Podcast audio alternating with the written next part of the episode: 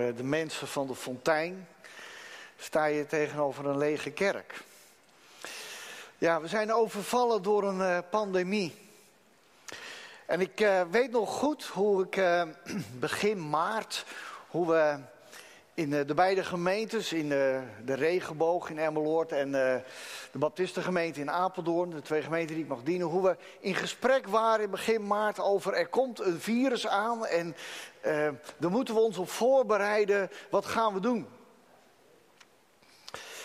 Maar het bleek dat het virus er inmiddels al was in Apeldoorn.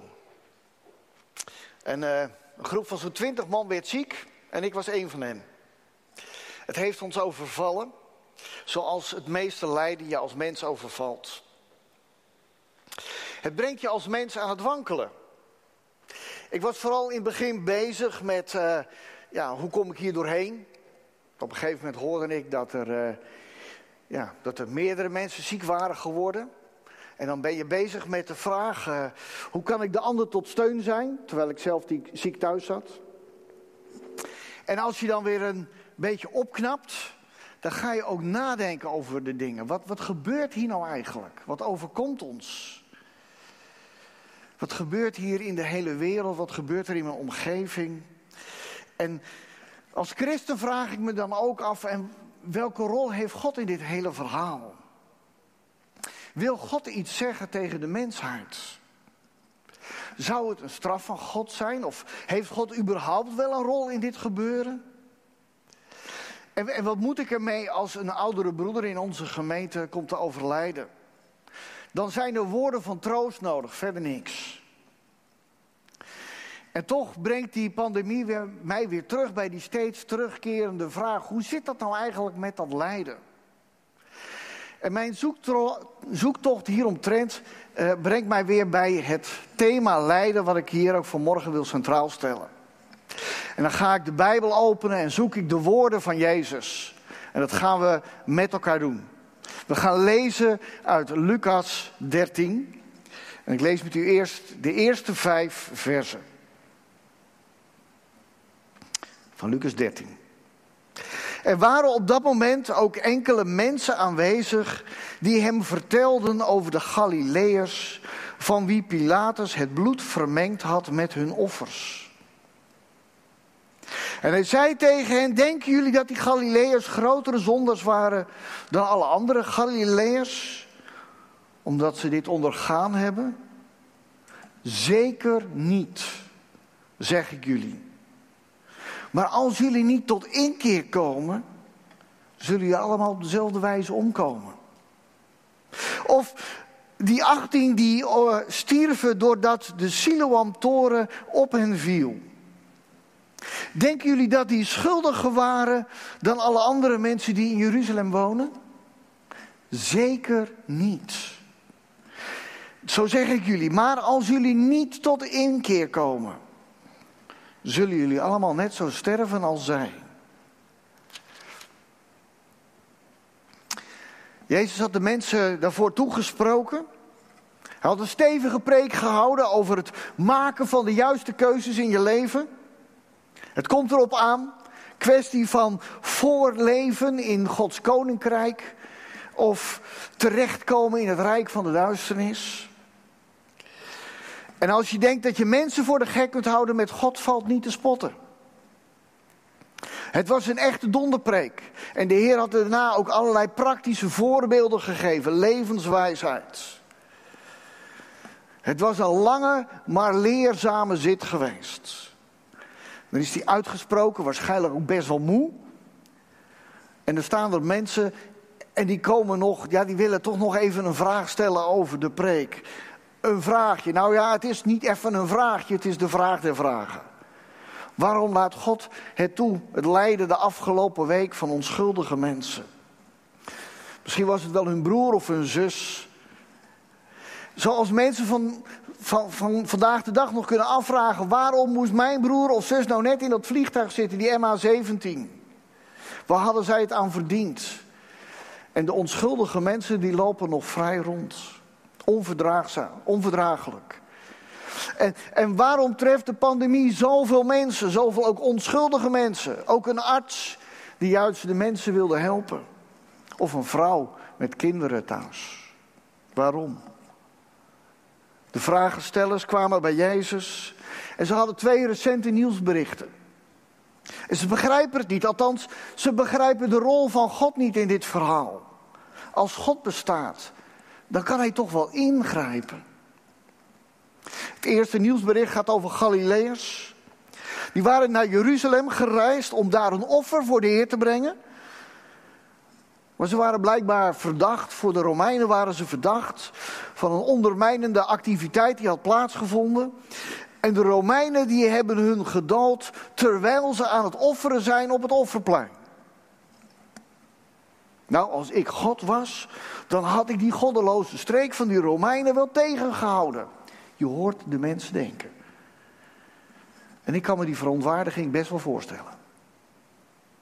En dan nog iets. Er zitten er 18 mensen, vrienden van die mensen, die hebben zich schuil gehouden in een toren, de toren Siloam, een watertoren gebouwd bij de bron die David ooit had aangelegd voor de stad Jeruzalem. En wat hadden die Romeinen gedaan?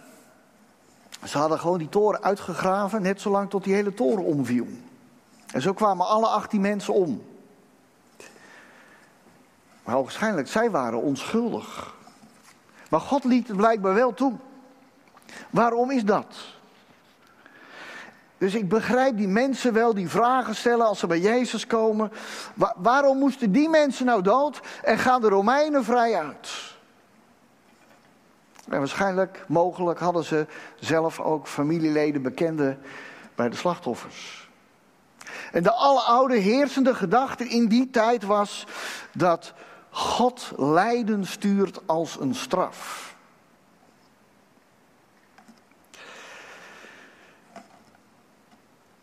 Wie, wie heeft het gedaan? Wie, wat is er gebeurd waarom God zou straffen? Hebben ze zelf iets fout gedaan of was het de familie? Een straffend God. En ik kom het ook wel tegen in de Bijbel. Laten we eerlijk zijn. Soms gericht naar een heel volk, soms naar een individu. Denk aan de tien plagen van, uh, voor het volk Egypte of de ballingschap van het volk Israël.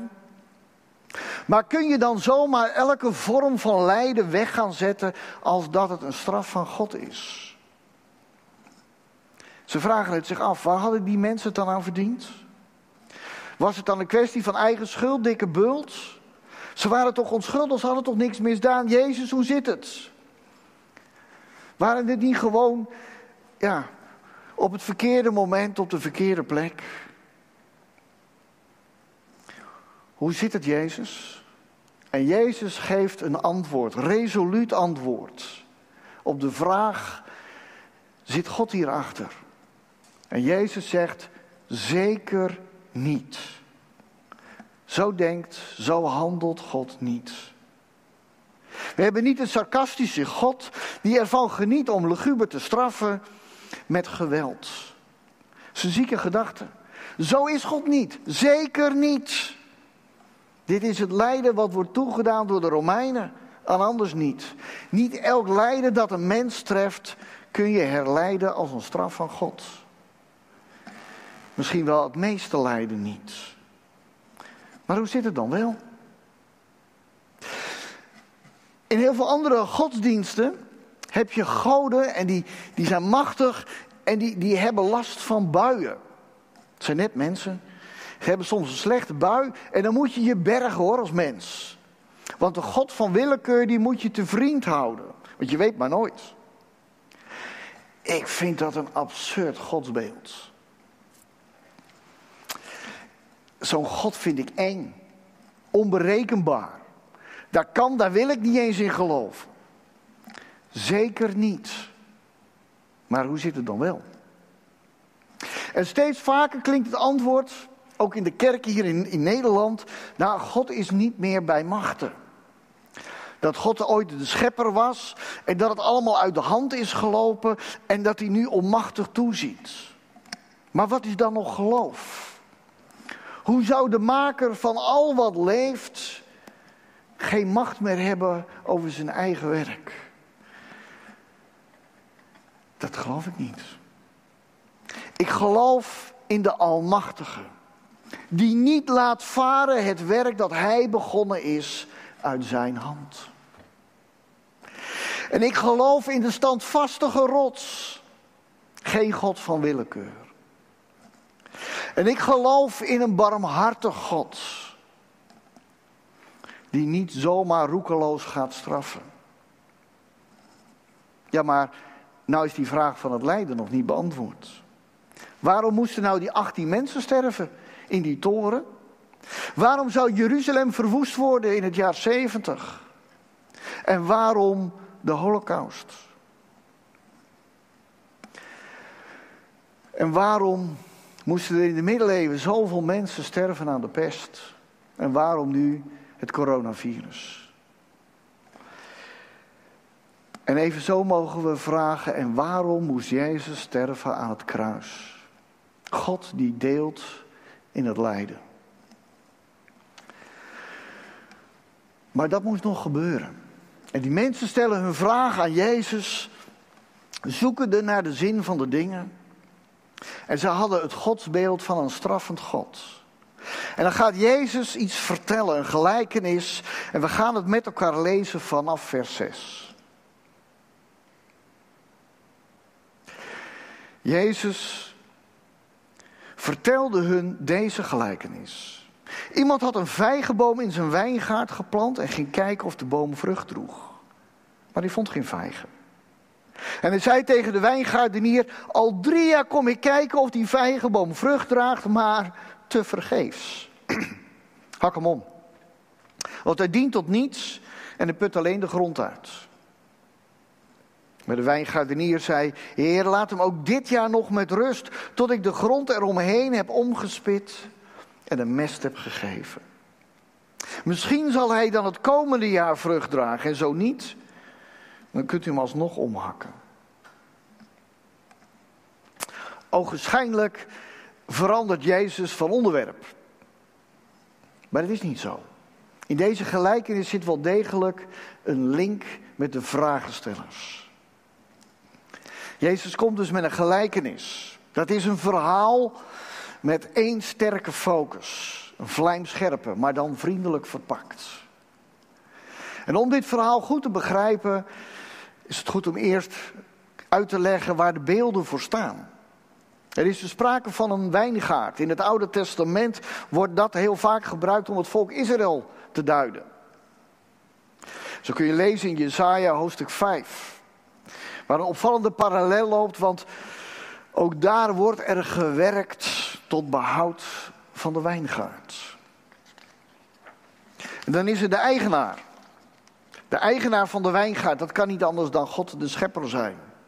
Hij is de eigenaar van elk stuk land en hij is de heer van het volk Israël.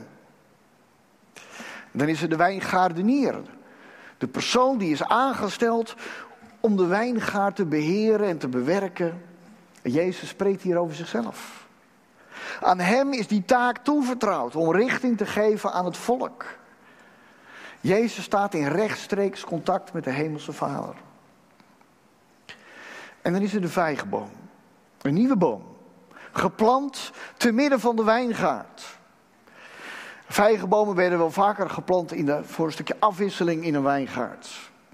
En in die beeldspraak gaat het over een project, een nieuw project geplant in het land Israël. Het gaat hier om het werk wat Jezus komt doen. Met hemelse goedkeuring. En in die gelijkenis wil die vijgenboom maar geen vrucht dragen.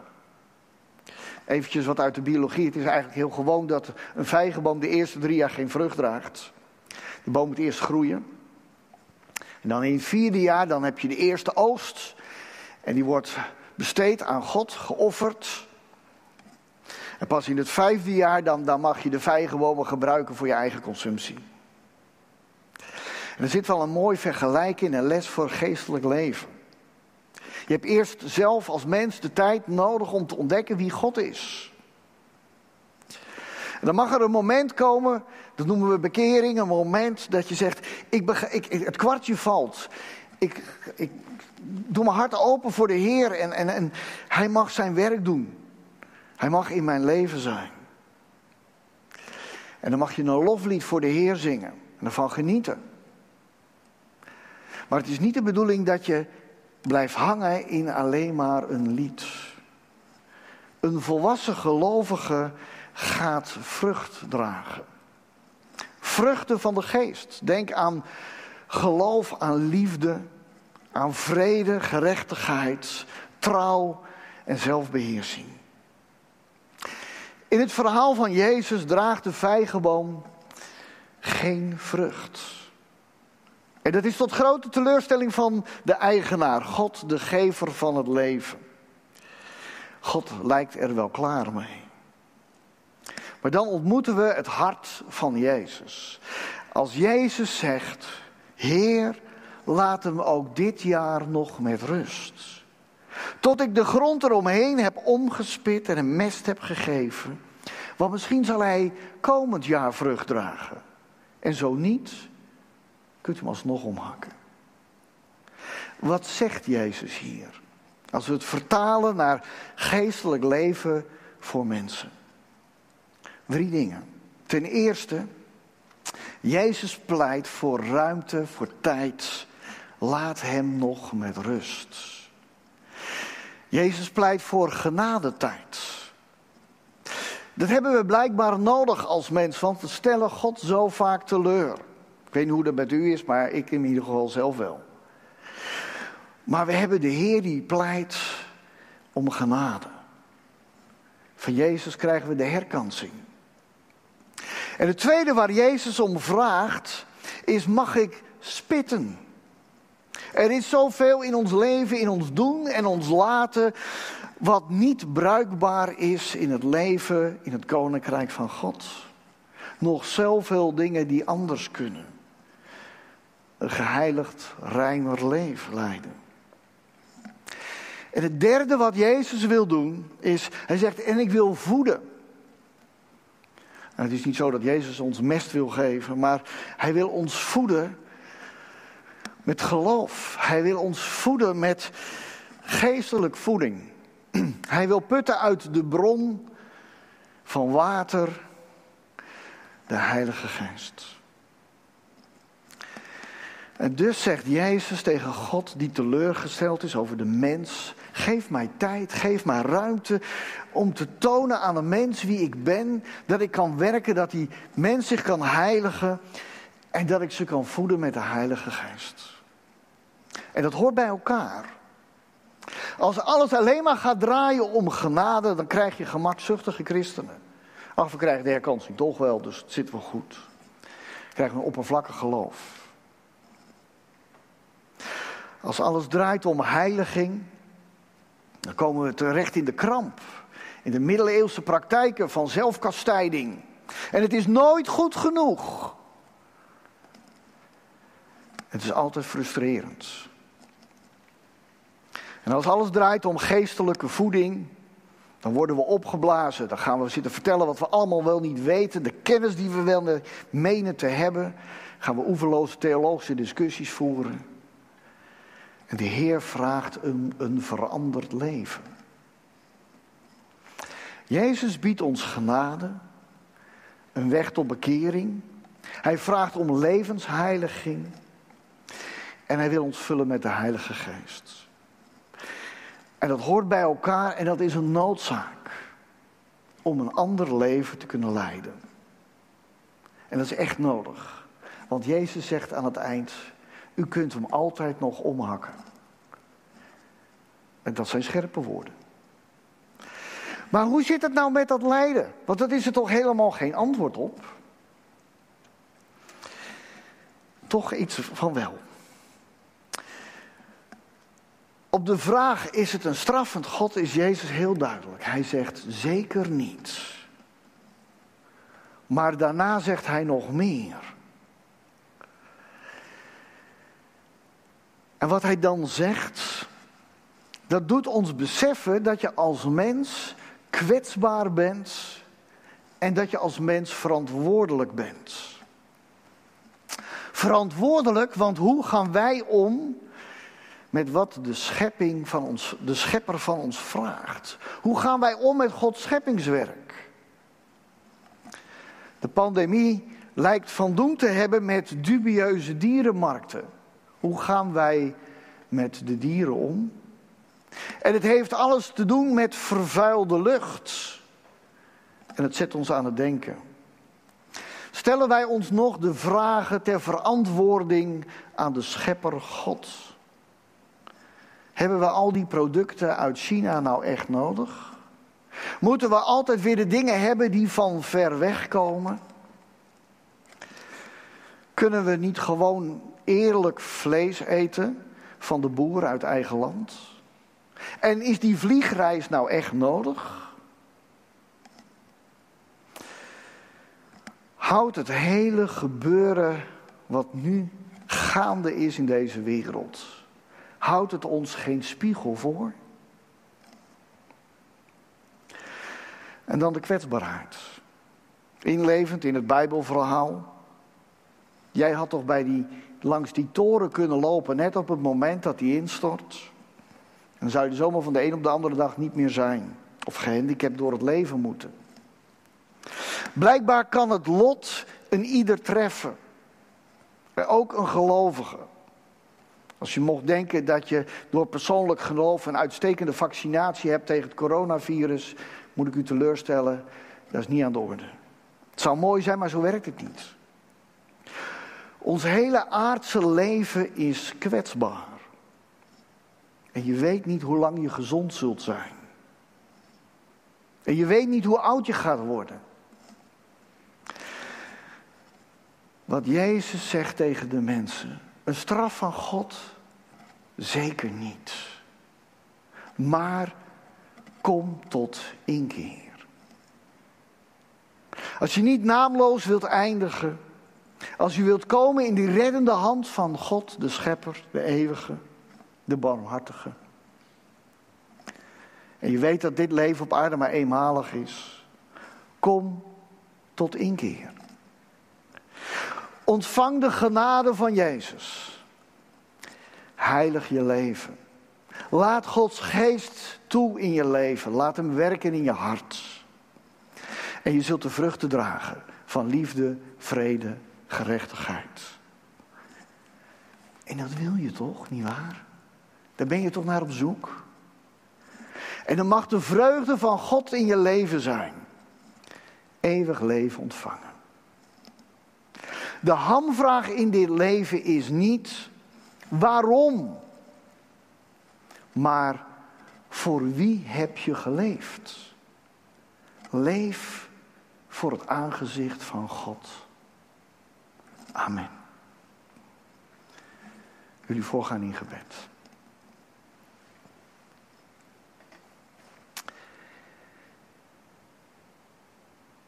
Heer Almachtig God.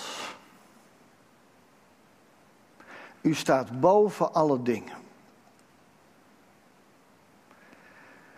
Als mensen denken dat we de wereld in onze hand hebben, dan zijn we de afgelopen maanden wel weer bepaald bij dat het niet zo is.